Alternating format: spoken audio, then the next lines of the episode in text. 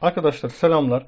Amacımız e, daha büyük bir kütle ise yani hipertrofi yapıyorsak bakın burada bir güç antrenmanı, kuvvet antrenmanı, bir atletten vesaire bahsetmiyorum. Amacımız hipertrofi ise e, dönemsel olarak kuvvet ve metabolik antrenmanlarını yapmamız lazım. Bunun nedenini anlatmaya çalışacağım. Şimdi bunu çok eksik görüyorum ya da yanlış uygulandığını görüyorum. Şimdi kuvvet antrenmanından başlayalım. Genel amaç büyümek, kas inşa etmekse kuvvet artışı neden önemli? Yani kuvvet antrenmanı yapmamın sebebi o zaten hipertrofi antrenmanı ile yapamıyor muyum? Yapabiliyorum ama çok düşük. O hipertrofi antrenmanının mantığı farklı, kuvvet antrenmanının mantığı farklı.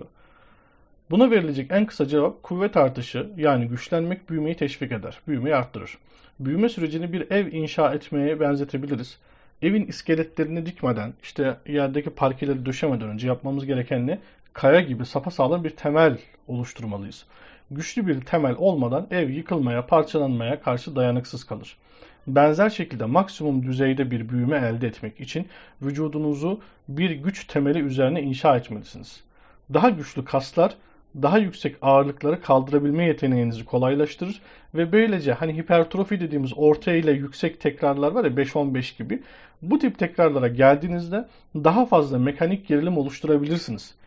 Hipertrofiyi yönlendiren birincil mekanizma neydi daha önce de anlatmıştım. Mekanik gerilim. Yani mekanik gerilim olduğunu düşündüğümüzde o zaman bu da daha fazla büyüyeceğiz, daha fazla kas inşa edeceğiz anlamına gelir.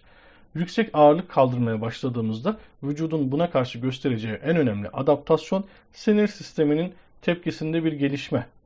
Kaslar nasıl uyarılır?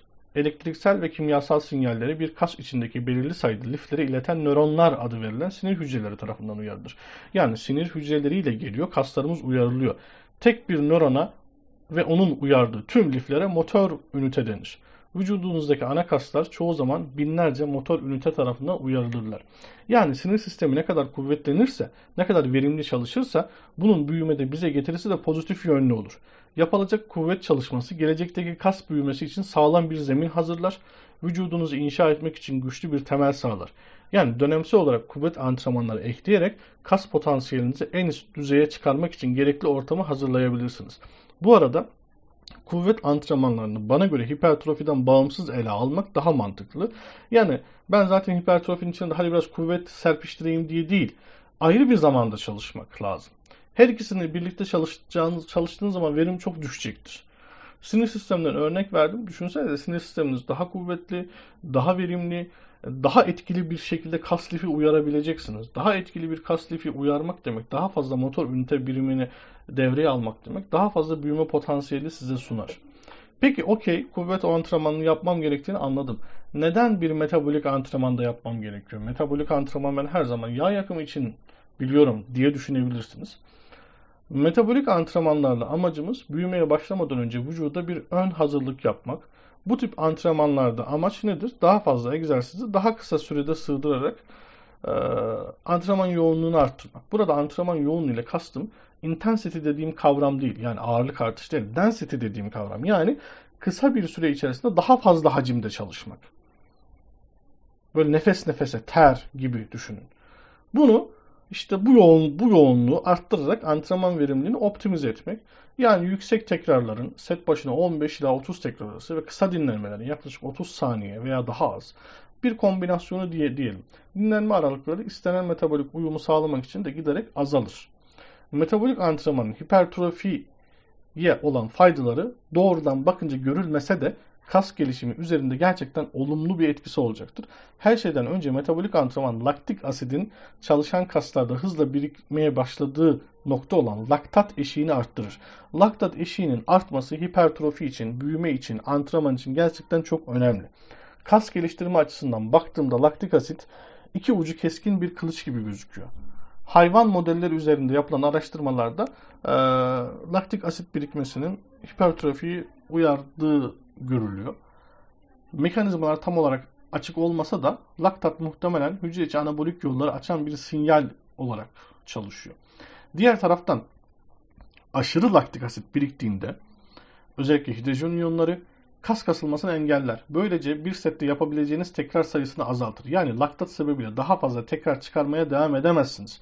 Halbuki laktat eşiği yüksek olsaydı sete devam edebilecektiniz. İşte burada metabolik antrenmanın önemi devreye giriyor. Metabolik antrenmanla ilişkili adaptasyonlar kılcal damar sayısında yani besin ve metabolik atık alışverişini yapar bunlar biliyorsunuz kılcal damarlar. Bir artışa neden olur artışa yardım eder. Bu da laktik asit birikimini geciktirir. Yani laktat eşiğini yukarı doğru çıkartır, arttırır. Böylelikle tükenmeden daha uzun devam edebilirsiniz. Yani ağırlığı aldım, squat'a nefeslerim izin vermiyor. İşte laktik asit izin vermiyor. Halbuki laktat eşiği yukarı olsaydı aynı ağırlıkla daha fazla devam edebilecektim.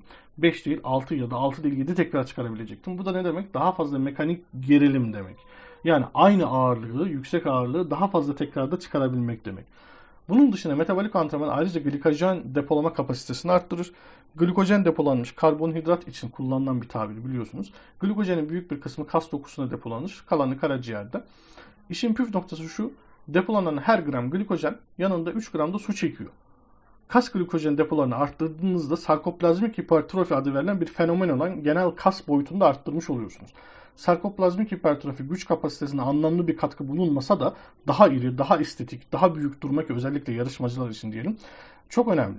Yani kas kazanımını en üst düzeye çıkarmak, kaslı görünmek istiyorsanız sarkoplazmik hipertrofi işimize yarayacak. Ek olarak metabolik antrenman iyileşme, toparlanma yeteneğini de arttırır ki bana göre büyümedeki en önemli katkısı bu olabilir. Daha önce söylediğim gibi metabolik tarzda bir antrenman besinleri ve diğer maddeleri işte oksijen, hormon vesaire vücut dokularına ileten kılcal damar sayısını arttırır, ağını arttırır. Daha büyük bir kılcal yoğunluk ne demek? Kaslarınızın daha iyi beslenmesi demek ve daha iyi atıkların uzatılması demek. Bu da yoğun bir antrenman sonrası daha hızlı bir şekilde, daha iyi bir şekilde toparlanmayı kolaylaştırır. Çünkü yeniden inşa için gerekli malzemeleri hasarlı kaslara çok daha rahat ve çok daha rahat, kolay, çok daha hızlı taşıyabilirsiniz. Son olarak metabolik antrenman yavaş kasılan yani tip 1 dediğimiz kas liflerin büyümesine de yardım eder. Alın size hipertrofi olarak bir e, ek fayda yani. Konuyla ilgili araştırmalar tam sonuçlandı diyemem ama e, bu liflerin dayanıklılık odaklı yapıları göz önünde alındığında daha yüksek tekrar aralıklarına daha iyi yanıt verdikleri biliniyor. Yavaş kasılan lifler genellikle kas geliştirme açısından önemsiz olarak görülse de bunların önemini kas gelişimini ele aldığınızda göz ardı etmemek gerekiyor. Yani bütüncül bir bakış açısıyla baktığımız zaman okey ben genelde tip 2'leri uyarmaya çalışıyorum ama genel bir büyüme için tip 1'leri de tamamen göz ardı edemem. Kas boyutunu en üst düzeye çıkarmak için yavaş kasılan lifler de dahil olmak üzere tüm lif spektrumunu azami ölçüde uyarmak gerek. Şunu tekrar ifade edeyim. Bu tip bir antrenman ile amacımız hipertrofiyi maksimuma çıkarmak değil kas gelişimi için zemin hazırlamak. Bir, bu bir zemin. Aslında metabolik antrenman uzun bir zaman dilimi gerçekleştirilirse potansiyel olarak önceki aşamada elde edilen kuvvet kazanımını da olumsuz etkileyebilir. Yani kuvvet çalıştım belli bir süre, sonra metabolik çalışacağım, sonra hipertrofiye tekrar başlayacağım. Uzun bir süre hipertrofide kalacağım. Ama bu metabolik kısmı uzun sürdürürsem bir önceki kuvvet kazanımını olumsuz etkiler. Bu nedenle kuvvet üretme üzerinde herhangi bir zararlı etkiyi önlemek için metabolik döngüyü kısa tutmak lazım. 3 hafta 4 hafta gibi.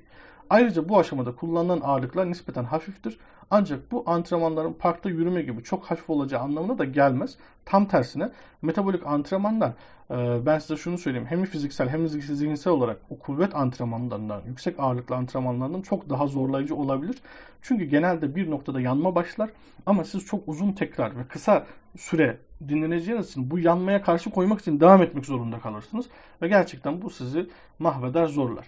İşte anlattığım sebeplerle arkadaşlar dönemsel olarak kuvvet antrenmanları ve metabolik antrenmanları eklemek lazım.